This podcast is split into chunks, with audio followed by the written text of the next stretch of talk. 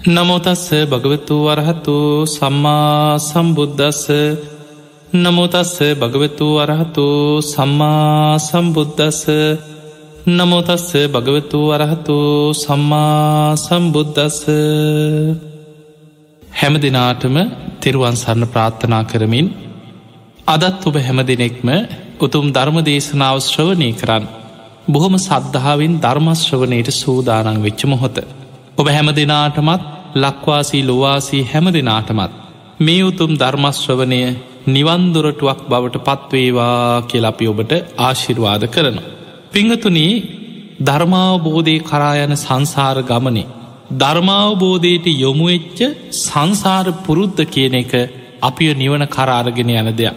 අපි ඒවට කියන පාරමිතා කියලා. මේ පාරමී ධර්ම අපි උපවපන් ආත්ම භාවල අපේ විඤ්ඥානයත් එක්ක අපිෝ ධර්මාවබෝධය කරායන ගමනේ අපිය සුගති සහිත මාර්ගයකින් නිවනට අරගෙන යන. එක මේ වගේ. දැන් අපි ගත්තොත්.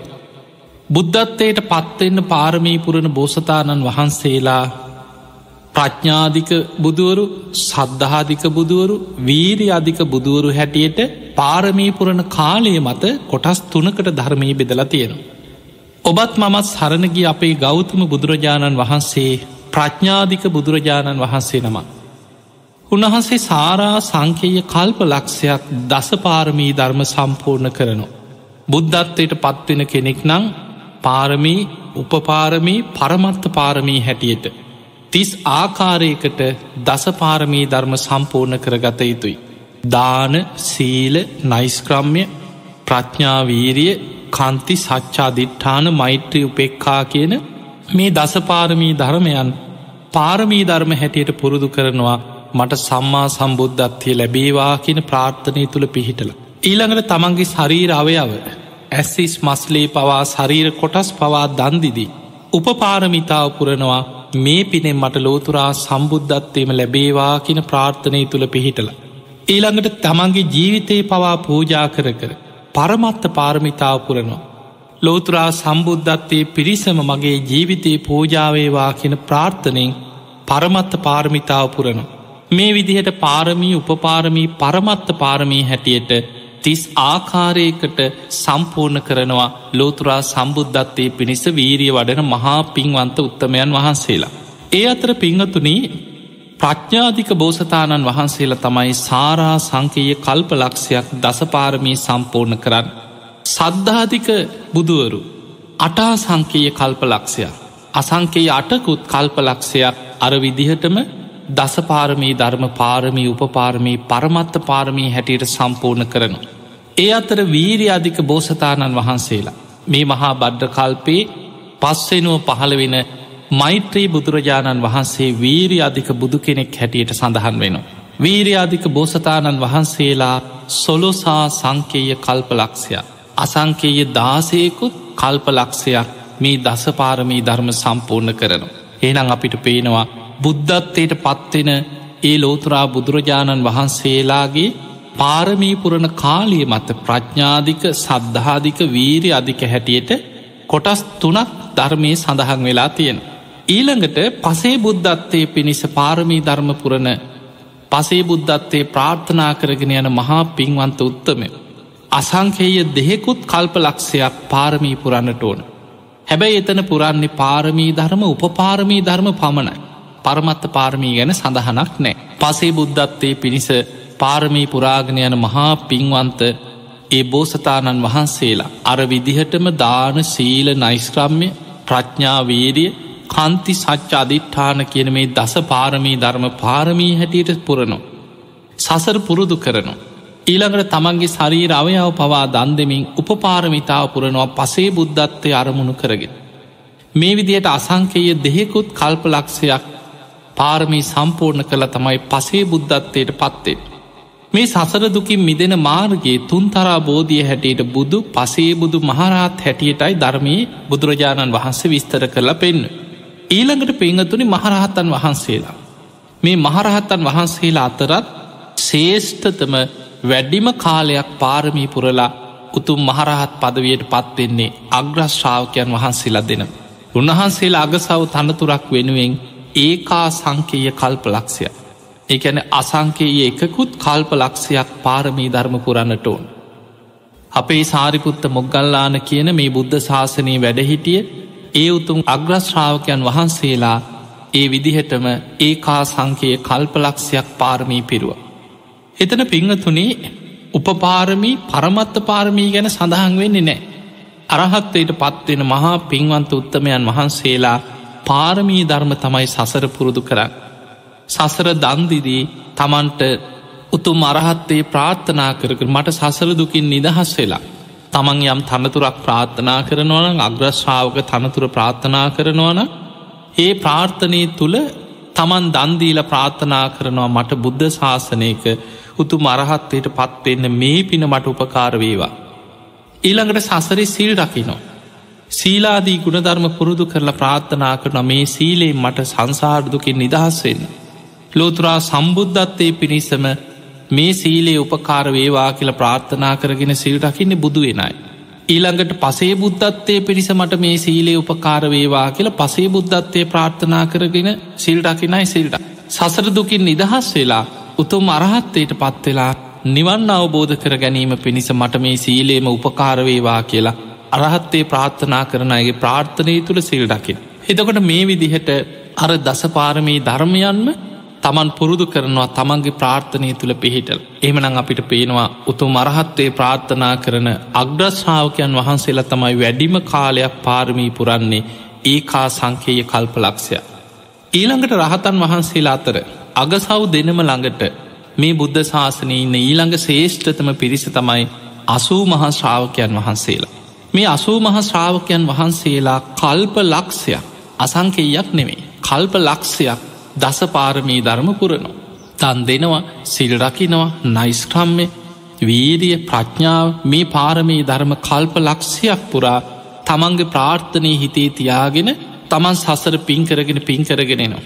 එතකොට එතනින් මෙහා ධර්මයේ සාමාන්‍ය ත්‍රවිද්‍යා ඇති රහතන් වහන්සේ නමක් වෙන්න පංචාභිච්ඥා ෂඩාභිච්ඥා ඇති රහතන් වහන්සේලා එතකොට බනහල බුද්ධ ශාසනය තුළ අග සව් තනතුරක් හෝ අසූ මහාශාවක තනතුරක් නොලැබුවත්. දුකෙන් මිදිලා උතු මරහත්වයට පත්වෙන රහතන් වහන්සේලා ගැන සඳහන් වෙනවා. උන්වහන්සේලා කොපමන කාලයක්ද කියලා කාල නියමයක් මූලික පෙළ පොත්තල සඳහන් වෙලා නෑ. ඊළඟට කෙනෙකුට හිතෙන්න්න පුළන් එහෙනම් සෝවාන්වෙන් සකදාකාමයෙන් අනාගාමයෙන් එහෙමත් කාල නියමයක් සඳහන් වෙලා නෑ.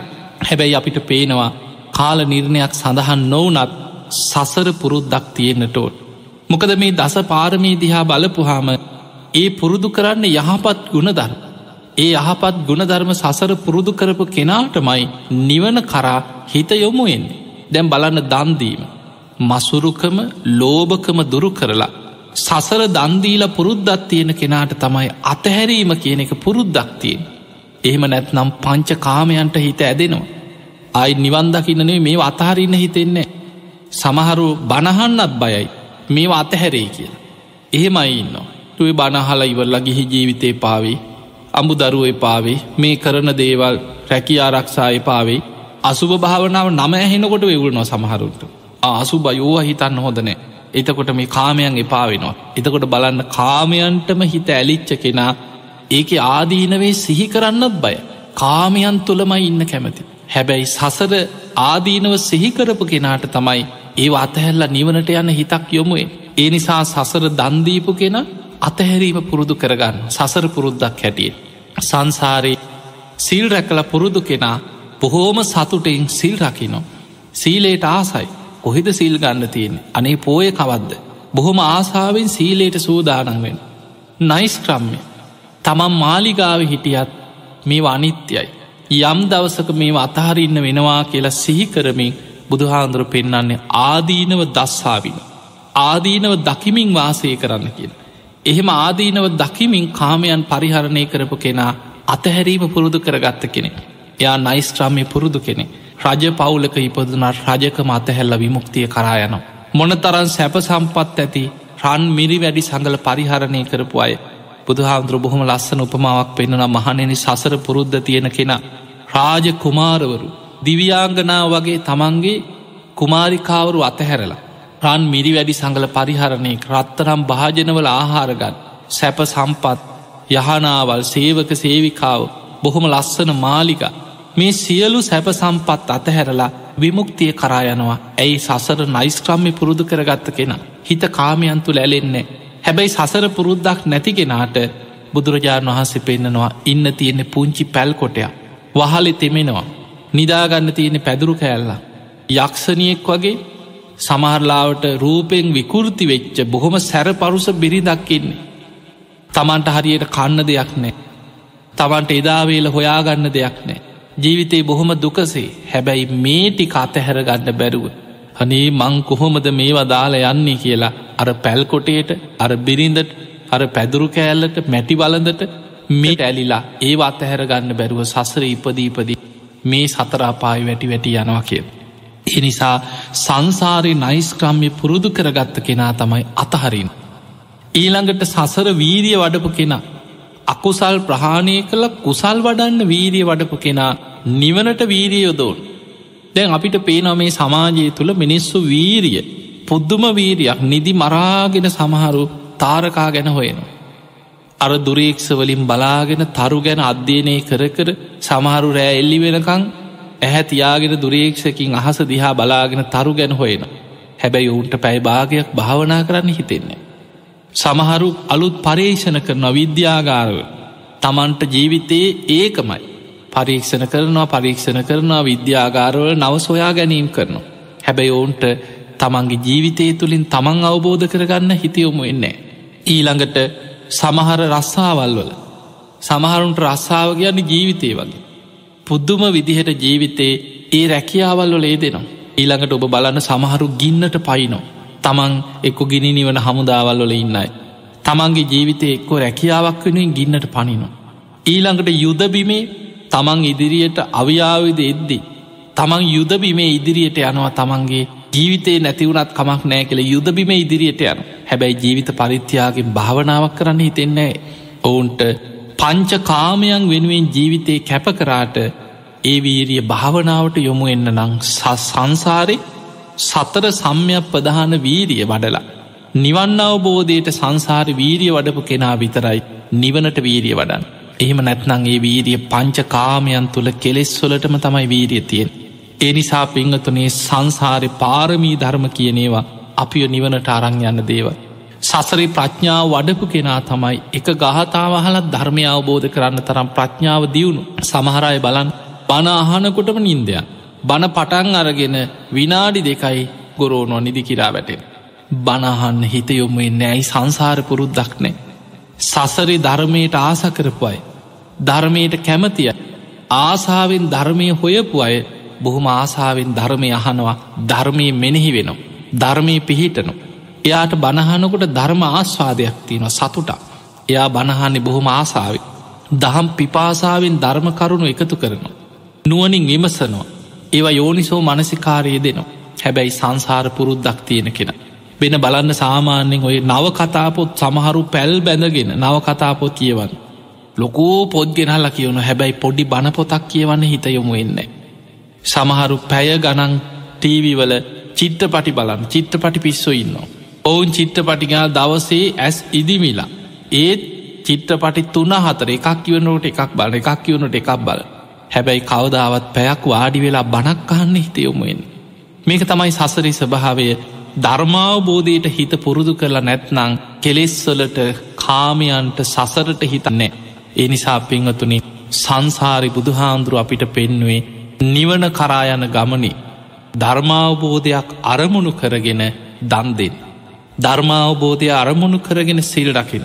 ධර්මාවබෝධය අරමුණු කරගෙන කාමයන්ගේ ආදීනව දකිමින් නයිස්ක්‍රම්ය පුරුදු කරන්න. ධර්මාවබෝධයක් අරමුණු කරගෙන වීරිය වඩන්. ධර්මාවබෝධයක් අරමුණු කරගෙන ප්‍රඥාව පුරුදු කරන්න සසර පුරුද්දක් හැටියෙන්. ඊළඟට සත්‍යවාදීකම. ඊළඟට ඉවසීම කන්ති ඉවසීම පුරුදු කරනවා මේ ඉවසීම මට නිවන්න අවබෝධයටම උපකාරවේවා කියල්. ඉවසීමක් පුරුදු කරගන්න. ඊළඟට මෛත්‍රිය උපේක්කාව මේ ගුණධර්ම නිවන අරමුණු කරගෙන සසර පුරුදු කරගත්ත කෙනාගේ හිත ධර්මාවබෝධයට නැබුරුවෙච්ච මනසක් හැටියට ඒකෙනා නිවන කරාරගෙන යන. පිංහතුනී අසූ මහා ශ්‍රාවකයන් වහන්සේලා කියන්නේ කල්ප ලක්ෂයක් පාරමී පුරපු අයි. අද අපි කතා කරන්න මේ බුද්ධ ශාසනයේ වැඩහිටිය බෝම ශේෂ්ඨ මහරහත්තන් වහන්සේ නමකගේ ජීවිත කතාවේ උන්වහන්සේගේ ජීවිතයේ ඒ මියෝණදීපු ප්‍රශ්නත් එක්ක ඉලක්කය කරා ධර්මාවබෝධය කරායන ආකාරි ගැන ඒ තමයි මේ බුද්ධ ශාසනී වැඩහිටිය විචිත්‍ර ධර්ම කතික භික්‍ෂූන් වහන්සේලා අතර අග්‍රස්ථානය ලබපු උතුම් මහරහත්තන් වහන්සේ නම. උන්වහන්සේ මේ ප්‍රාර්ථනය ඇතිකර ගත්තේ මීට කල්ප ලක්ෂයකට පෙර. පියවමතුරා බුදුරජාණන් වහන්සේ අපි හඳුන්නනවා පදමුත්තර බුදුරජාණන් වහන්ස. මෙන්න මේ පදමුත්තර බුදුරජාණන් වහන්සේගේ කාලේ එදා සිටුවරේ. මේ සිටුවරය බොහොම සද්ධාවෙන් බණහන්නේ නව පදමුත්තර බුදුරජාණන් වහන්සේ දම්සභා මණ්ඩපේ දහම් දෙසනවා. බොහොම සද්ධාවෙන් බණහන්න ඇවිල්ල දවසක් බණහගෙන ඉන්නකොට එදා ඒ දම්සභා මණ්ඩපේ හිටපු පිරිසාත්තරින් එක භික්‍ෂූන් වහන්සේ නමකගේ ගුණ බුදුරජාණන් වහන්සේ වර්ණා කර. බොහෝම දක්ෂව ධර්මදේශනා කරන ධර්ම කතික මගේ බුද්ධ ශාසනය වැඩඉන්න විචිත්‍ර ධර්ම කතිකයන් වහන්සේලාගෙන් මෙන්න මේ භික්‍ෂු අග්‍රයි කියලා අග්‍රස්ථානයක් බුදුරජාණන් වහන්සේ පිරිනැමුව. එදා මේක බලාගෙන හිටපු මේ මහා පින්වන්ත සිටුවරයට හිතුනා අනේ මටත් බුද්ධ ශාසනයක විචිට්‍ර ධර්ම කතික භික්‍ෂූන් වහන්සේලා අතරින් අග්‍රස්ථානයක් ලබන්න තියෙනවනම් කොයි තරන් දෙයක්? තමන්ගේ හිතේ පැතුමක් ආසාාවක් ඇති වුණා. තමන්ටත් බුද්ධ ශාසනයකදී විචිට්‍ර ධර්ම කතික භික්‍ෂූන් වහන්සේලා අතරින් අග්‍රස්ථානයක් ලබන් බුදුරජාණන් වහන්සේ ළඟට ගිහිල්ල වන්දනා කරලා සිරිපතුල් වන්දනා කරලා ඉල්ලේ මක්‍රා ස්වාමීණී හෙට දවසේදම් මගේ නිවසට දින හතක් දානයකට වැඩම කරන සේක්වා බුද්ධක් ප්‍රමුඛ මහා සංඝයා උදෙසා මගේ නිවසේ මන් දානයක් සූදානන් කරන. බුදුරජාණන් වහන්සේ ඇතුළු පන්සීයක් සංගපිරිස දින හතක් මේ සිටුවර සිටුවරේ යන ඒ නගර ඉන්න බොහොම ධනවත්ම කෙනෙක්. ඔහු බොහෝම සද්ධාවෙන් ගෞරවෙන් සියතින් කර්මකරම් පල විශ්වාසයෙන් බුද්ධ ප්‍රමුඛ පන්සීයක් සංඝයාට දින හතක් තමන්ගේ නිවසේ දැන් දානය පිරිනැම. හත්තෙනි දවසේ බුදුරජාණන් වහන්සේට වන්දනා කරලා වැඳගෙන තමන්ගේ ප්‍රාර්ථනය සිහිපත් කර ස්වාමීනී භාකතුන් වහස මන් දින හතක් බුද්ධ ප්‍රමුඛ සංඝයාට මගේ නිවසේ බොහොම සද්ධාවෙන් දන් දුන්න. මේ දානමය පින මගේ හිතේ එකම ප්‍රාර්ථනයක් තියෙනවා ඒ මට අනාගත බුද්ධ ශාසනයක විචිත්‍ර ධර්ම කතික භික්‍ෂූන් වහන්සේලා අතරින් අග්‍රස්ථානීම ලැබේවා කියෙන ප්‍රාර්ථනය. බුදුරජාණන් වහන්සේ බුදු ඇසිම් බැලුවා මේ සිටුවරයාගේ මේ ප්‍රාර්ථන ඉෂ්ට වෙනවාද තව කල්ප ලක්ෂයක් ගිය තැන. ගෞතම නමින් බුදු කෙනෙක් පහළ වෙනවා. අන්නේ බුද්ධ ශාසනයේ මේ මහා පින්වන්ත කෙනා පෙරුම් පුරාගෙන පින්කරගෙන පින්කරගෙන ගිහිල්ල තව කල්ප ලක්ෂයක් ගිය තැන ගෞතම බුද්ධ ශාසනය තුළ විචිත්‍ර ධර්ම කතික භික්‍ෂූන් වහන්සේලා අතරින් අග්‍රස්ථානය ලබනෝ. බුදුරජාණන් වහන්සේ බුදු මුවින් මේදා අර පිරිස් අතරෙදී ඔබේ ප්‍රාර්ථන ඉෂ්ට වෙනවා. තව කල්ප ලක්ෂයක් ගිය තැන ගෞතම බුද්ධ ශාසනය ඔබ විචිත්‍ර ධර්ම කතික භික්‍ෂූන් අතර අග්‍රස්ථානය ලබනවා කියලා අගතනතුරක් ලැබෙන බවට විවරණයක් ලැබුණ. අන්න බුදු කෙනෙක්ගේ බුදුමුවින් අනාගතයේ ඔබ මේ කාලේ මේ විදිහට මේ නමෙක් මේ විදිහිත ඔබේ ප්‍රාර්ථන ඉෂ්ට වෙනවා කියලා බුදු කෙනෙක් අනාගතයේ දිහා දැකළ බුදුමුවින් දේශනා කිරීමට තමයි අපි ගැන් නියත වසයෙන්ම සිද්ධ වෙන දෙයක්. ඒ නිසා නියත වසයෙන් විවරණයක් ලැබුණ. එදා ඉඳං සසරි පින්කරගෙන දම් දෙනවා සිල් රකිනවා ගුණධර්මපුරනවා උපවපන් සංසාර ගමනේ දාන සීල නයිස්ක්‍රම්ය ප්‍රඥාවීරිය කන්ති සච්ච අධිට්ඨාන මෛත්‍රී උපෙක්හා කෙන දසපාරමී ධර්ම සසරි පුරුදු කරගෙන පුරුදු කරගෙනාව. මෙහෙම සසර පින්කරගෙන පින්කරගෙන ඇවිල්ලා කාශ්‍යප බුදුරජාණන් වහන්සේගේ කාලෙ දෙව්ලව ඉඳලා මනුලොවටාව. ඒ වෙනකොට කාශ්‍යප බුද්ධ ශාසනය පිරිහිලා. බුදුරජාණන් වහන්සේගේ ශාසනයේ පිරිහීගෙන අධර්මවාදීන් වේගෙන් බලවත්වේගෙන බලවත්වේගෙන යන ගමන. අධර්මවාදීන් බලවත්වේගෙන යන ගමනේ. කාශ්‍යප බුද්ධ ශාසනී පිරිහිලා අධර්මවාදීන් වේගෙන් බලවත්වේගෙන යන ගමන. ඒ වෙනකොට මනුස්සලෝක පැවිදි වෙලා බුද්ධ ශාසනය නිවන් දකින්න වීරිය වඩ වඩා ඉන්න අතරේ තමයි දැන් භික්‍ෂූන් වහන්සේලා කීප නමක් තව ස්වාමීන් වහන්සේලා හය නමක් හිටිය කල්්‍යයාන මිත්‍රයන් මේ හය නමම එකතු වෙලා සාකච්ඡා කරා අපි මේ බුද්ධ ශාසනය පැවිදි වුණේ නිවන් දකිින්. නමුත් දැන් ධර්මය විකෘති වෙලා ශාසනය පිරිහිලා එන්න එන්න අධර්මවාදීන් බලවත්වේගෙන යනවා. ඒ නිසා අපිට මේ විදිහට නං අපි හිටියොත් අපිටත් ධර්මය දියුණු කරගන්න අවස්ථාව මග හැරෙන්න්න පුළුවන්. අපි මහ වනාන්තරයකට ගිහිල්ලා දිවි දෙවනි කොට වීරිය වඩමු කියලා අනික් ස්වාමීන් වහන්සේලා හය නමත් එක්ක දැන් හත් දෙනයි ඔක්කොම. මහා වනාන්තරයකට ගිය. ගිහිල්ල කැලේ ඇවිදගෙන ඇවිදගෙන ගිහිල්ල කැලේ භාවනා කර. හැබැයි කැලේ භාවනා කරනකට උන්වහන්සේලාට තේරෙනවා උන්වහන්සේලාට නිදිමත එනවා කම්මැලිකති එනවා අලසකම එනවා ප්‍රමාදයට පත්වෙන. හිට පස්සේ උන්වහන්සේලා කතා වුණ අපි දිවි දෙවනි කොට වීරිය වඩන ක්‍රමයක් හිතමු. කැලේ ඇවිදගෙන යනකොට දැක්ක විශාල ගල් පර්වතයක් තියෙනවා. මේ පරොතේ උඩට නගින එක නම් හිතන්නවත් බෑ. හැබැයි උඩට නැගගත්තොත් අපිට දිවි දෙවනි කොට වීරිය වඩන්න පුළුවන් මේ සාමෙන් වහන්සේ ලහත් නම කැලේ ඇවිදලා දිග උනලී වගේ ගස් වගේයක් තිබුණ මහ වනාන්තරේ මේ ගස් කපාගෙන ඇවිල්ලා එකට එක පැල්වලින් බැඳලා ඉනි මගක් වගේ හදාගත්තාර පරොතය උඩට නැගගත් කැලේ තියෙන කොළවර්ග ගෙඩිවර්ග මුල්වර්ග ආහාරයට ගන්න පුළුවන් හැම දෙයක්ම එකතු කරගෙන සතියකට විතර කෑමබීම ටිකක් ඇද්ද ගලමුදුනට භාජනවලට වතුරත් එකතු කරගෙන ගල උඩට ඇදගත් ඇදගෙන අර ස්වාමීන් වහන්සේලා හත් නමම පරෝතය මුදුනට නැගලා ඉනි මඟ පෙරලුව. ඉනි මඟ පහලට පෙරලලා දැන් එකම දෙයයි තියෙන්නේ. දවස් කීපයකට උපරිම දවස් හය හතකට කන්න බොන්න කෑම ටිකක් තියෙන. වතුර ටිකක් තියෙන. පහලට නම් බහිනවතියා හිතන්නවත් බෑ පැන්නොත් මැරෙනවා. විශාල පරෝතයක් උඩ බහින පාටක් නෑ දැන් තමන්ට එකම ඉලක්කයයි තියෙන්නේ. දිවි දෙවනි කොට වීරිය වැඩීම පමණයි. මේ සාමීන් වහන්සේලා හත් නමම වාඩි වෙලා දිවි දෙවනි කොට මේ පරොත්ත මුදුනේ අපි ධර්මාවබෝධයට වීරිය වඩමු කියලා එකඟ වෙලා භාවනා කරන්න පටන්ගත්. මේ පරවත මුදුනි තැන් තැන්වල සමහරු සක්මන් කරන සමහරු ඉඳගෙන භාවනා කරන සමහරු හිටගෙන ධර්මය මෙනෙහි කරන වීරිය වඩමින් භාවනා කරනකොට මේ ස්වාමීන් වහන්සේලා අතරින් හිටපු වැඩිහිටි ස්වාමීන් වහන්සේ හිත කෙලෙසුන්ගෙන් මිදිලා ඉරදි බල සම්පන්න රහතන් වහන්සේ නමක් හැටියට උතුම් මරහත්තයට පත් වුණ.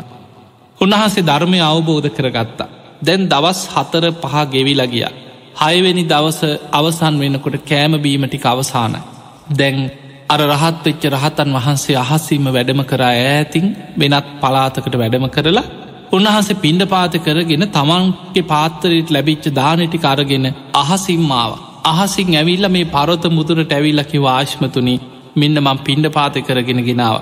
ඔබහන්සේලා මේ දානෙ වලදන්න එතකොට අනෙක් ස්වාමීන් වහන්සේලා හයනමම ඒක මතිකව කිව්වා සාමීනී අපි මේ පරොත මුදුනට නැග්ගේ ඔවැනි පොරොන්දුවක් මතනෙමේ ඔබහන්සේ මහා පින්වන්තයි. ඔබහන්සේ මහාවීරයවත්තයි ඔබහන්සේ අපි සියලු දෙනාට පෙර රහත් වුණා. හැබැයි ඔබහන්සේගේ දානෙනං අපිට එපා කිය.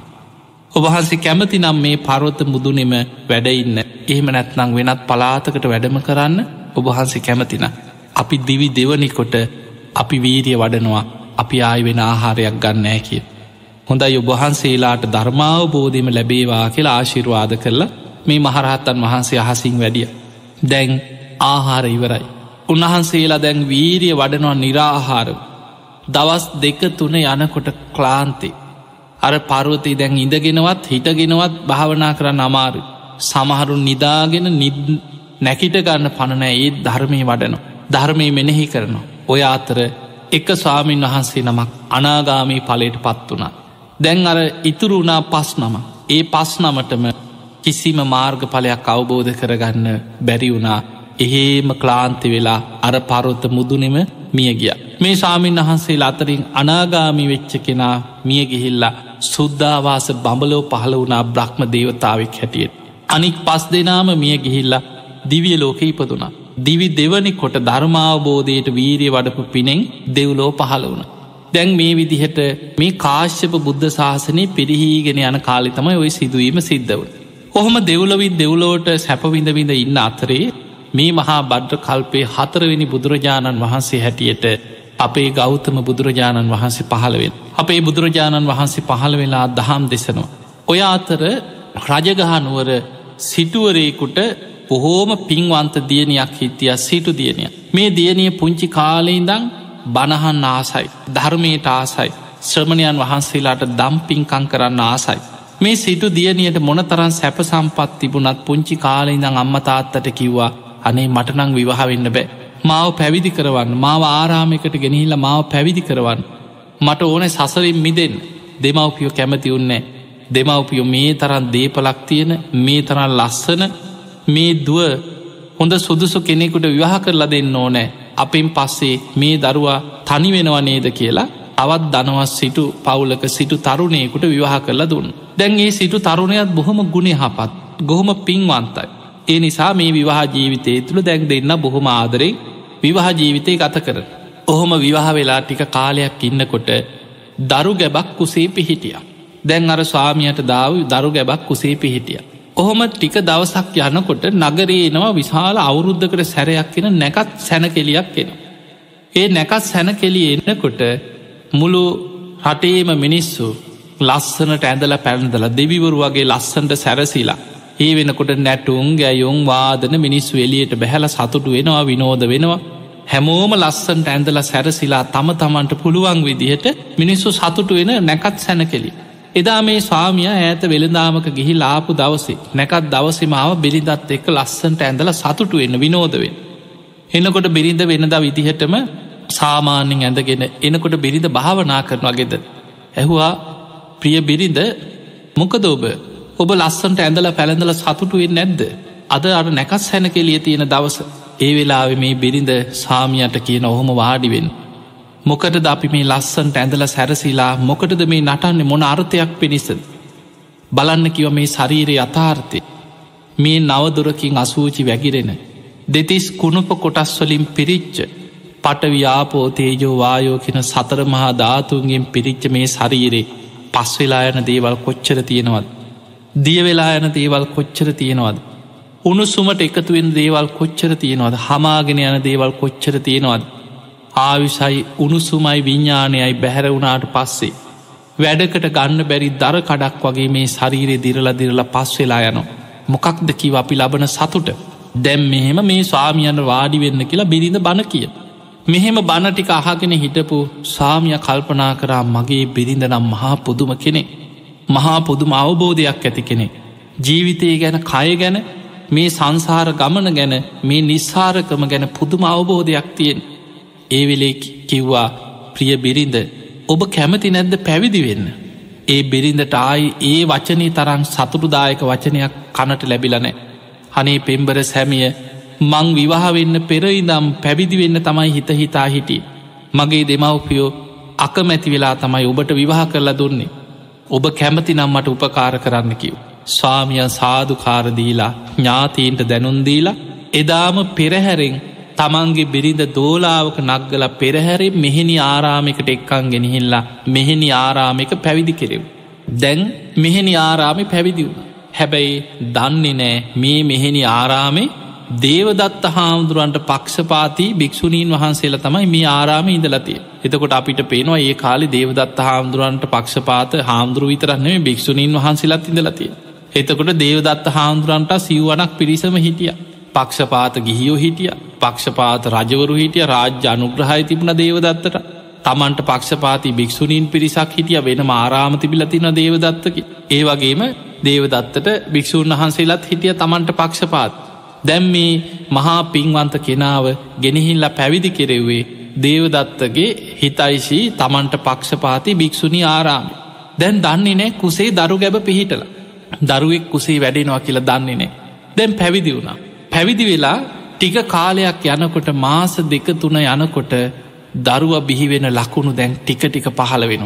දැන් අතපයි ටිකක් ඉදිමිලා කුස නෙරලයිනු. අනිත් භික්‍ෂුණීන් බැලුව රවල බලනවා දැන් සැකෙන් බලනවා දවසක් ඇවිල් ඇහුවා ඇත්ත කියන්න. මොකක්ද මේ වෙනස. ඔබගේ ශරීරයේ ලකුණු මේ දරුවෙක් බිහිවෙන ලකුණු ඔබට තියෙන්. අනේ නෑනෑ මං සිල්වන්තයිකව මම එහෙම කිසිම වැරැද්දක් කරපු කෙනෙක් නෙමේ. මං පැවිදි වෙච්ච දවසේ දම් බොහෝම සීලවන්ත කෙනෙක්. හැබැයි දැන් මේ ලකුණු පහළ වෙනකොට අර අනිත් ආරාම හිටිය භික්‍ෂුණීන් වහන්සේලා කල්පනා කරා මේ මෙහෙම කිව්වට මේ දරුවෙක් ලැබෙන්න ඉන්නේ. මෙහෙට එන්න කියලා කට්ටියම එකතු වෙලා ඇදගෙන අරගෙන ගියා දේවදත්ත හාන්තුරලඟ. දේවදත්ත හාන්දුරලඟට එක්කන් ගිහිල්ල ඉදිරිපත් කලා කිව්වා අනේ සාමයනේ මේ අපේ ආරාමය ඇවිල්ල පැවිදි වෙච්ච කෙනෙක් මේ දරුවෙක් ලැබෙන්න ඉන්නවා කීවා. මේ බලන්න කීවා. මේ දැන් දරුවෙක් බිහිවෙන්න ඉන්නේ. දේවදත්ත හාමුදුරු කල්පනා කරා ලොකු විනාසයක් වෙන්නේ. දැම් මේක මිනිස්සු දැනගත්තොත්. දේවදත්ත හාමුදුරන්ට පක්ෂපාති භික්‍ෂුණී ආරාමයක අන්න භික්‍ෂුණියකට දරුවෙක් ලැබිලා. ඊට පස්සේ මේක කැලල නින්දාව එන්නේ මගේ පිටි. ඉක්මනට සිවුරු අරෝල යවන්න ඔන්න දේවදත්ත හාමුදුරංග උපදෙස. දේවදත්ත හාමුදුරුවෝ උන්වහන්සේට අතීත පේනෙත් නෑ අනාගතය පේනෙත් නෑ වෙච්චදේ පේනෙත් නෑ සර්වඥතාඥානී තියෙන කෙනෙකුත් නෙමෙයි. ඒ මොහොතෙම තමන්ට කරදරයක් වෙයි තමන්ට නින්දාවක් වෙයි කියලා අර භික්‍ෂුණීන්ට කිව්වා ඉක්මනට සිවුරු ගරුල යවාපාක්කි. දැන් අර භික්‍ෂුණියව අනිත් භික්‍ෂුණීන් එකතු වෙලා සිවුරු අරවන්න හදනකොට මේ භික්‍ෂුණිය හඬා වැලපෙන්න්න පටන් ගත්ත මම දේවදත්ත නිසා පැවිදි වෙච්ච කෙනෙක් නෙමේ මේ දේවදත්ත කියන්න කවුද. මං පැවිදි වුණේ බුදුරජාණන් වහන්සේ නිසා. මං ආරාමයක් හොයාගෙන ගියේ බුදුහාමුදුරුව නිසා. මං සංසාරදුකින් නිදහස් වෙන්නයි පැවිදි වුණේ. මාව බුදුහාමුදුරු ළඟට එක්කං යන්න කියලා හඬා වැලපෙමින් කියනකොට. ඒ භික්‍ෂුණීන් වහන්සේලා කතා වුණා එහෙමනං අපි ඕකට සිවුරු ගලවන්න කලින් බුදුහාමුදුර ළඟට එක්කංය බුදුරජාණන් වහන්සේ ළඟට එක්කරගෙනාව. එදා බුදුරජාණන් වහන්සේ සැබැත්නුවර ජේත වනාරාමි වැඩ හිටි. සැවැත්නුවරට එනකම්ම එක්කරගෙනාව. එක්කරගෙන ඇවිල්ලා බුදුරජාණන් වහන්සේට ඉදිරිපත් කරා සාමීනී භාක්‍යතුන් වහන්ස මෙන්න මේකයි කතාව කියලා මුළු කතාවම කියලා අර භික්‍ෂුණී ඉදිරිපත් කරා. බලන්න පිංහතුනි බුදුරජාණන් වහන්සේ ප්‍රශ්න විසඳන හැටි.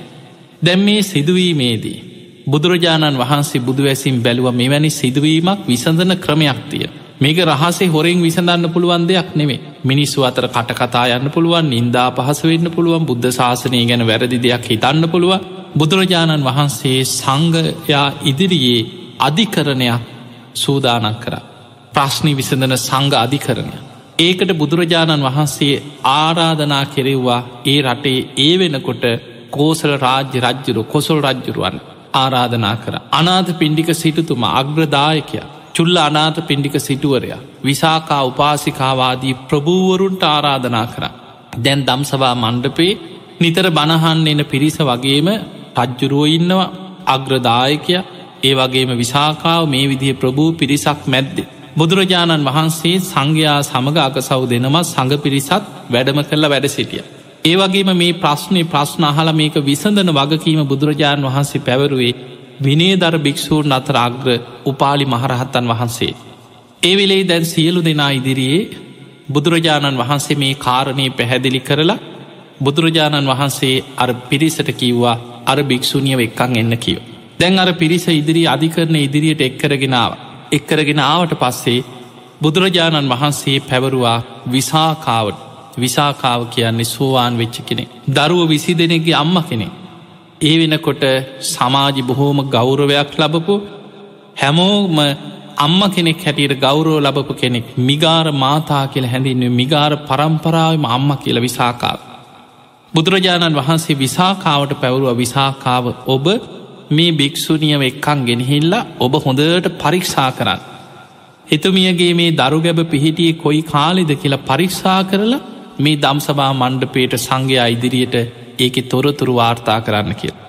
විසාකාව අරිත් භික්‍ෂුනින් පිරිසත් එක්ක කිරිමව්වරු හිටිය රජ්ජුරුවන්ගේ රාජ පිරිසාතර විසාකාවට තම මුල් තැන ලැබුණේ. මේ භික්‍ෂුණියගේ අංග ලක්ෂණ මේ සියලු දේවල් මේ කුසේ ස්භාවේ මාස ගණන් දින ගනම් පරීක්ෂා කරලා විසාකාව ඇවිල්ලා ඉදිරිපත් කරා ස්වාමිනී භාගතුන් වහන්ස මේ දරු ගැබ පිහිටල තියෙන්නේ පැවිදි වෙන්න පෙරයි.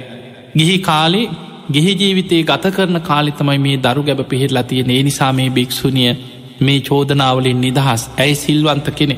ඒ වෙලාවී විනේදර භික්‍ෂූන් වහන්සේලා අතර උපාලි මහරහතන් වහන්සේ මේ කරුණු විමසල තොරතුරු අහලා සියලු දෙනා ඉදිරියේ අර භික්‍ෂූනිය නිදොස් කොට නිදහස් කර. බලන්න බුදුරජාණන් වහන්සේ ප්‍රශ්නයක් විසඳපු ක්‍රමය. එදා බුදුරජාණන් වහන්සේ මේ විදිහට සියලු දෙනා ඉදිරියේ මේ ප්‍රශ්නය විසඳුවට පස්සේ ඊළඟ කාරණය තමයි දරුව බිහිවෙන්නේ කොහොමද. ඒ වෙලාවේ මෙහෙනි ආරාමයකම සැවැත්නුව ආසන්න මෙහෙනි ආරාමයකට එතුමිය ඇතුල් කර. දැම් මෙහෙනි ආරාමෙම දරුව බිහිවෙන කටයුතු සියල්ලට විසාකාව ඇතුළු අනේ කාන්තාවන්ට ඒ කටයුතු පැවරුවා මේ ගැන හොයල බලන්. මේ විදිහට අර භික්‍ෂුනිය මෙහෙනි ආරාමීම මේ දරුව බිහි කර. මේ බිහිවෙච්ච පුංචි පුතාට නම තිබ්බෙ කාශ්‍යප කියලා. දැම් මේ පොඩි දරුවා දැන් අර මෙහෙනි ආරාමි බිහි වෙලා බොහොම ආදරින් දැන් අනිත් මෙහෙනින් මෑනින්වරුන්ටත් දැම් මේ දරුවා පුරතල් දැම් පොඩිය එක හදාගත්. දවසක් රජ්ජුරුව රාජකය පිරිසත් එක්ක මේ ආරාමි ළඟින් වෙන ගමනක් යනකොට මෙහෙනි ආරාමි ඇතුළෙන් ළමයි කඩනව ඇහෙනවා පොඩියවුන් කෑ ගහනු අඩනො ඇහෙන. රජ්ජුරුව නතර වෙලා අමාත්‍යවරුගෙන් ඇහුවා මේ මෙහෙනි ආරාමි මේ වෙලාව මේ අවේලාවේ. එදා හවස් කාලෙ ගමනක් ගිහිල රජ්ජුරුව මෙතනින් යනකොට මේ මිනිස්සු එකතු වෙන වෙලාවක් නෙමේ හර පොඩිය එකෙ කෑ ගහනව ඇහෙන්නේ ඇයි කිය. එදකොට රජ්ජුරුවන්ට කිවැයි රජතුමනී මීට මාස කීපයකට පෙර එදා බුදුරජාණන් වහන්සේ සංඝයා ඉදිරී අර අධිකරණයකදී අර නිදොස්කොට නිදහස් කරපු භික්‍ෂුනිය දරුවෙක් ලැබෙන්න හිටිය ගිහි කාලේ සිදුවීමකින්. අන්නේ කෙනාට දරුව ලැබිලා. ඒ ළමය තමයිකි ඔය ආරාමය ඇතුළේ අඩන්න රජ්ජුරෝ ගිහින් කල්පනා කරා මේ භික්‍ෂුණීන් වහන්සේලාට මෙහෙනි ආරාමයක දරු හදා වඩා ගන්න පුළුවන් තැනක් නෙමේ. ඒ නිසා ඒ දරුව මාලිගාවට ගේන්න කියලා රජ්ජුරුවන්ගේ රාජානින් බුදුරජාණන් වහන්සේව දැනුවත් කරලා ඒ දරුව මාලිගාවට ගෙනල්ලා කිරි මව්වරුන්ට දුන්න හදා වඩාගන්න. දැම් මේ කාශ්‍යප කියන දරුව රාජ කුමාරයෙක් වගේ රජමාලිගාව හැදෙනවා. ඒ නිසා තමයි මේ දරුවට නමතිබෙ කුමාර කාශ්‍යප කියල්. රාජ කුමාරයෙක් වගේ කිරි මව්වරු යටතේ රජමාලිගාව හැදී වැඩිච්ච නිසා ඔය විදිහට තමයි කුමාර කාශ්‍යප කියන දැන් ළමය මාලිගාව හැදෙන්. අවුරුදු හතක් වගේ වයිස වෙනකොට තැන් ටිකක් කර රාජකුමාරුරු එක්ක මාලිගාවේ සෙල්ලං කර කර හැදී වැඩෙන්. මේ ළමය දවසක් සෙල්ලං කර කර ඉන්නකොට අනෙක් රාජකුමාරුරු විහිළු කරන්න පටන්ගත්තා අම්ම තාත්ත නැති එක. අම්මෙක් නෑ මුට තාත්තෙක් නෑ කියල ඔය වගේ ළමයි විහිළුවට එහෙම කියනවා. දැන් මේ විදිහට අර දරුවට උසුළු විසුළු කරන්න පටන්ගත්. එදා මේ කුමාර කාශ්‍යප හිතරිදිල අඩාගෙන ගිය රජ්ජුරුව ළඟට. ගිහින් කිව්ව රජතුමනී මේ මට මෙහෙම විහිළු කරනවා මගේ අම්ම කවුද තාත්ත කවුද කියලෙහු. කොසල් රජ්ජුරුව ඒ වෙලාවේ වටපිට බැලවා එතන හිටපු මේ දරුව හදා වඩාගත්ත කිරි අම්ම කෙනෙක් හිටිය කිරි මව් කෙනෙ. ඇගිල දික්කරලකිව මේ ඉන්න ඔබේ අම්ම තමයිකව මේ අම්ම කීව. ඒ වෙලාවෙ මේ කුමාර කාශ්‍යපකිව නෑනෑ බොරු කියන්න එපා මේ මගේ අම්මනේ මට ඇත්ත කියන්න ඇත්ත කියන්න කිය. දැන් රජ්ජුරුවන්ට මේක වහගන්න පුළුවන්කමක් නෑ. ඒ වෙලාවෙ රජ්ජුරු වාඩි කරලා ඇත්තම කතාව මුළු සිදුවීමම කිව්වා ඔබේ අම්ම මෙන්න මෙහෙමයි භික්‍ෂුණයක් ආරාමික වැඩඉන්නේ ඔබ බිහිවුණේ මේ විදිහට ඔබෝමං හදාගත්ත මුළු කතාවම කිව්ව. මේ කතාව අහපු දවසේම කුමාර කාශ්‍යප රාජ කුමාරයෙක් හැටියට මාලිගාව හැදුන රජ්ජුරුවන්ට කිව රජතුමනී මම පැවිදි වෙන. මටත් පැවිදිවෙන්න ඕන මගේ අම්මත් පැවිදි වෙලා නං ඉන්න මං පැවිදි වෙන. මට මේ රජමාලිගාවල මේ සැප සම්පත්වරින් වැඩක් නෑ මාව පැවිදි කරවන්. රජ්ජුරුවෝ රාජකය පිරිසත් එක්ක පෙරහැරෙන් ඇවිල්ලා කුමාර කාශ්‍යපව එදා ජේත වන පුුණ්්‍ය භූමියේදී පැවිදි කෙරෙව්.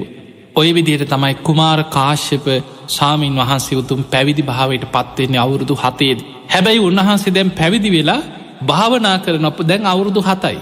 පුංචි ස්වාමීන් වහන්සේ සාමනේර හාමුදුරු උන්වහන්සේට පුද්දුම විදිහට නිදි මත බලව. හැම වෙලේම භාවනා කරන්න ගියාට නිදි කිරා වැටෙන. හැබැයි භාවනා කරනවා කොයි වෙලේ බැලුවත් ගහකට හරි හේත් වෙලා නිදි කිරා වැටේ. දවසක් ඒ වෙනකොට අවුරුදු දොළහක් වගේ දැන් වයස. උන්වහන්සේ භාවනා කරන්න කියලා අන්ද වනේ ජේත වනාරාමය ආසන්න තියෙන අන්ද වනයට ගියා භාවනා කරන්න. එදා අන්ද වනයට ගිහිල්ල භාවනා කරනකොට ඒත් එහෙමයි නිදිකිරා වැටෙනවා.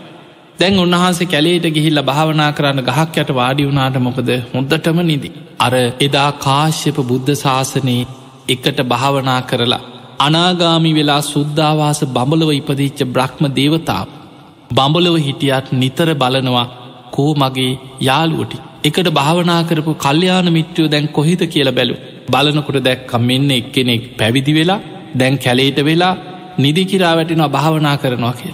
ඔහුට සිහිය උපද්දවලා වීරි ඇති කරවන්න ඕන කියලා අර බ්‍රහ්ම දේවතාව අන්ද වනේ පෙනී හිටිය. දිවිය සුරූපයෙන්ම මුළු වනාන්තරයෙන් බබුලවාගෙන ලස්සන සුදූ සුදු පාට ආලෝක ඇති මේ සුද්ධවාස බඹලවෙන් ආපු මේ බ්‍රහ්ම දේවතාව පෙනී හිටිය. පෙනී ඉඳලංකොට ඇහුව ඔබ කවුද ඊට පස්සෙ කියව මං ඔබේ කල්්‍යයාන මිත්‍රේ. ඔබ මේ භාවනා කරනවා කියලා වනාන්තරයට ඇවිල්ල මේ නිදිකිරා වැටෙනවා නේද. ඔබ වීරිය වඩන් මං ඔබේ කල්්‍යයාන මිත්‍රයෙක් කියලා. බොහොම ලස්සන කතාවක් කිව්වා. මේක නිකං අහගෙන ඉන්නකොට නිකං අමුතුයි. හැබැයි මේ කතාව තුළ තියෙන්නේ ධර්මාවබෝධයට යන ක්‍රමය මේක තියෙනවා මජ්්‍යම නිකායි වම්මික කියන සූත්‍රය. මේ දේවතාව කියනවා පොළොව හාරන්න උදැල්ලක් කරගෙන පොළොව හාරන් හාරණකොට තුම්මං හන්දියක් කම්බෙයි. ඒක උස්සල අයින් කරන්න හාරගෙනයන් හාරගෙන යනකොට ගෙම්බෙක් කම්බෙයි. ඒ ගෙම්බා අයින් කරලා ආයි පොලො හාරන් ආරගෙන යනකොට ඔබට මස් කපන පිහියක් ලෑල්ලක් හම්බේකත් අයින් කළ පොළොව හාරන්. මෙහෙම යනකොට නාගේ කම්බෙන්. ඒ නාගයාට වඳින් ඔය වගේ නික අමුතු කතාව මේක අහගෙන ඉන්නකොට කෙනෙකුට හිතෙන මේ මොකක්ද මේ කියල්. දැම් මේ දේවතාව මේ වගේ සම්පූර්ණ කතාවක් කියලා කීවා මේක අර්ථය බුදුරජාණන් වහන්සේගෙන් අහගන්න කියව කියලා අතුරු දහන් වුණ. අන්න බලන්න කල්්‍යයාන මිත්‍රය පිහිට වෙන හැටි. ඔබ ගිහිල්ල මේක අර්ථය බුදුරජාණන් වහන්සේගෙන් අහගන්න කියලා මේ කතාව කියලා දේවතාව අතුරු දහන් වුණ.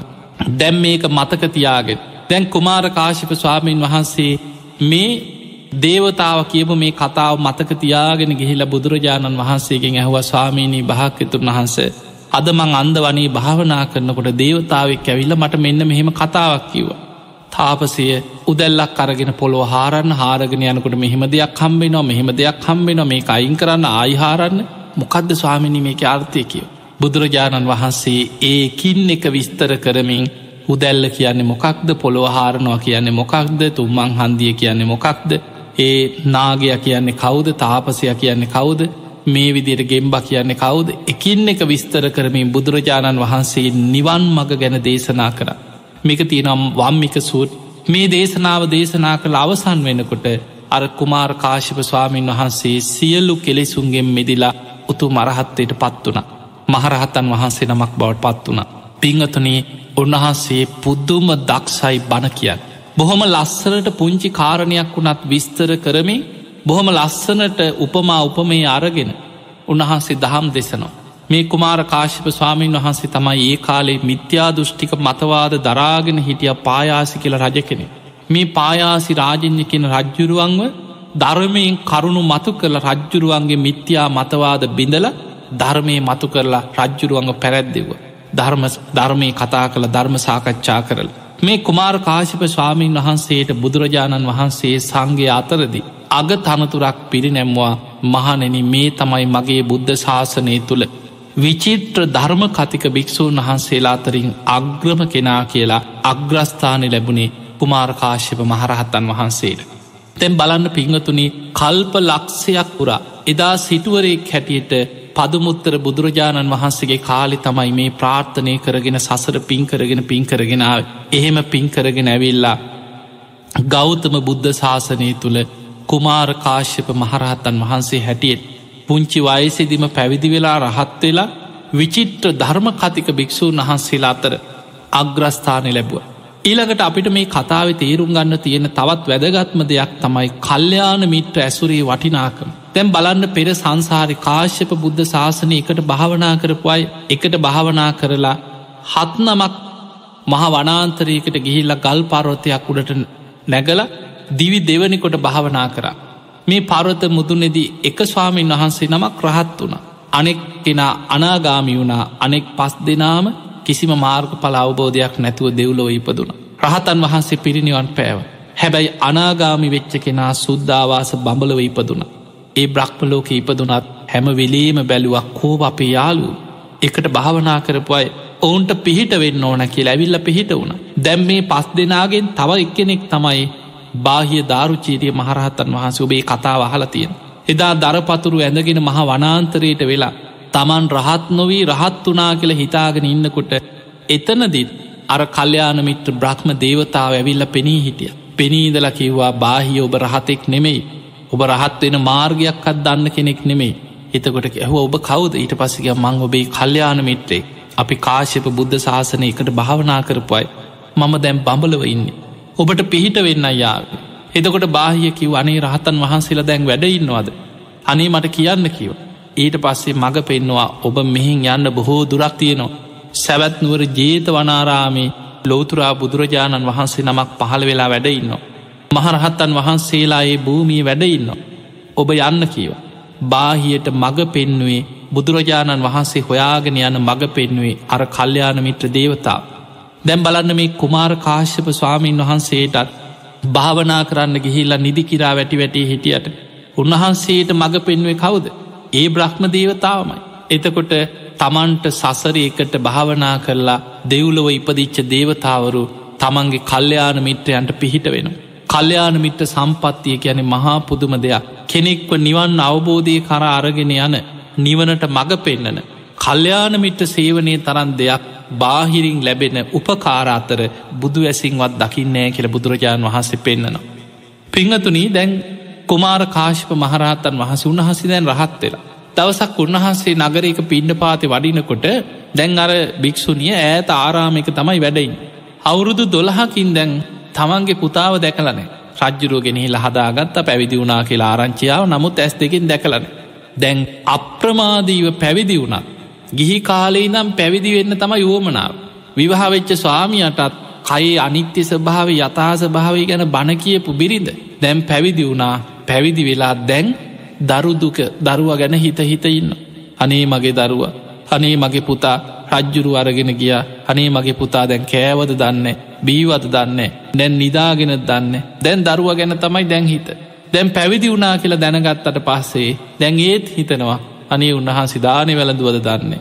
කොහේ ඉන්නවද දන්නේ? දැන් මගේ පුතා භාවනා කරනවත් දන්නේ? දැන් ඕව හිත හිත ඉන්න දැම් මේ භික්‍ෂුණියට භාවනාවක් නෑ ධර්මය සිහි කිරීමක් නෑ බලාගත්වත බලාගෙන දරුව ගැන හිත හිතායින්න දවසක් මේ ස්වාමීන් වහන්සේ කුමාර කාශිප මහරහත්තන් වහන්සේ චාරිකාය වඩිනකොට මේ භික්‍ෂුණිය ඉන්න ආරාමි ප්‍රදේශයකට වැඩිය. එදා මේ භික්‍ෂුණියත් නගර පිණ්ඩ පාති කරලා වඩිනො. ඇතින් ස්වාමීන් වහන්සේලා පිණ්ඩ පාති වඩිනකොට අනෙක් භික්‍ෂුණීන් වහන්සේලා පිරිසක් දැකලා පෙන්වා මේ භික්‍ෂුණිය. අන්න අන්න අර ඇතින් වඩින්නේ ඔබේ පුතා කීව. අර කුමාර කාශිප ඔබේ පුතා කිවර වඩින්. එහෙම කියනකොටම තමන් පැවිද්දෙක් තමන් භික්‍ෂූණයක් මේ මොකුත් අමතක වුණා අනේ මගේ පුතේ කියලා දුවගෙන ගියා ළඟ. එහෙම දුවගෙන ළඟට එනකොටම කුමාර් කාශව මහරහත්තන් වහන්සේ කල්පනා කරා මේ මෑනියෝ. පැවිදි වෙලා දැන් අවුරුදු කීයක්. හැබැයි තාම මං ගැන හිතහිතා මේ දරුසෙනෙ හසින් ප්‍රමාද වෙනවනේද. මම ආදරින් අම්ම කියලා කතාකරොත් වෙන්නේ තවත් ප්‍රමාදයට පත්වෙන්. ඒ නිසා සිහිය උපද්දවන්න ඕන කියලා ද්‍රඟට දුවගෙන එන්නකොටම ඈතදිම කිව්වා ඔහොම නවතින්න කියෝ. සිහිය පිහිටවා ගන්න කියෝ. ඔබ පැවිදිවුණේ මොකටද කියලාහැව්. තවත් දරුසිනි හස අතහැරගන්න බැරුවද ඇහුව. මේ අනිත්‍ය වූ දුක්කූ අනාත්ම වූ මේ ඉපදීපදි මැරිමැරී යන මේ කුණු ශරීරයකට නේද. මේ සතර මහධාතුගෙන් හටගත්ත කුණු කයකට නේද මේ ඇලිලා ඉන්න කියලා සිහිය උපදින විදිහට උන්වහන්සේ මොහොතේ මේ විදිහට කතා කරනකොට අර භික්‍ෂුණියට එක පාරට මගේ පුතා මට මේ විදිහටද කතා කරේ. අවුරුදු ගානක් මං මේ දරුවගන්නේද හිත හිත හිටි කියල එක පාට තමන්ට මේ කියපු රටාව සොරයත් එක්ක සිහිය පිහිටිය. එදා ගිහිල්ල වාඩි වෙලා කල්පනා කරා කියපු දේවල් ඇත් මං පැවිදිලා මෙච්චර කාලයක් පුතා ගැන හිත හිතා පසු තැවි තැවි.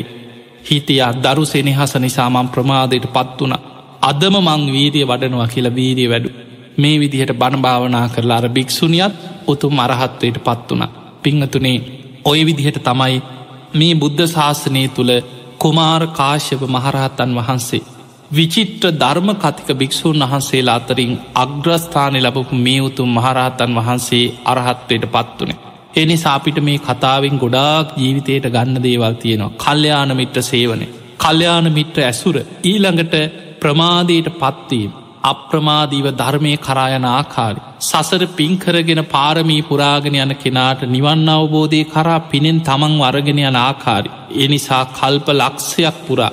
විචිත්‍ර තරම කතික භික්‍ෂූන් අතර අගතැම් පත්කම ලබනවා කියලා සසර පින්කරගෙන පින්කරගෙන ආපු මේ මහා පින්වන්ත කෙනාට තමන්ට ඒ කාලෙ වෙනකොට ඒ තැනට තමන් අරගෙනාව පෙරපිනේ. එනිසා බුදුරජාණන් වහන්සේ පෙන්නනවා පුඤ්ඥානි පරලෝකස්මින් පතිට්ටා හොන්ති පානිනා. පින් රැස් කරගත්ත කෙනාට පරලෝ පිහිටට පවතින්නේ තමන් සසර රැස් කරගත්ත පින. එනිසා පිංහතුනි අප්‍රමාධියෝබ පින් කරන්න කුසල් වඩන් ධර්මය දියුණු කරගත් තිං එහෙම නං ඔබ හැම දෙනාටම මේ ලැබිච්ච මනුස්ස ජීවිතය අවසන් වෙන්න පෙර අප්‍රමාදියෝ පින්දහම් කුසල් දහම් දියුණු කරගෙන උතුම් වූ ධර්මයම අවබෝධ කරගන්නම වාසනාව ලැබේවා ලැබේවා ලැබේවා කෙලපි ඔබ හැම දෙනාට මාශිර්වාද ප්‍රාත්ථනා කරනවා.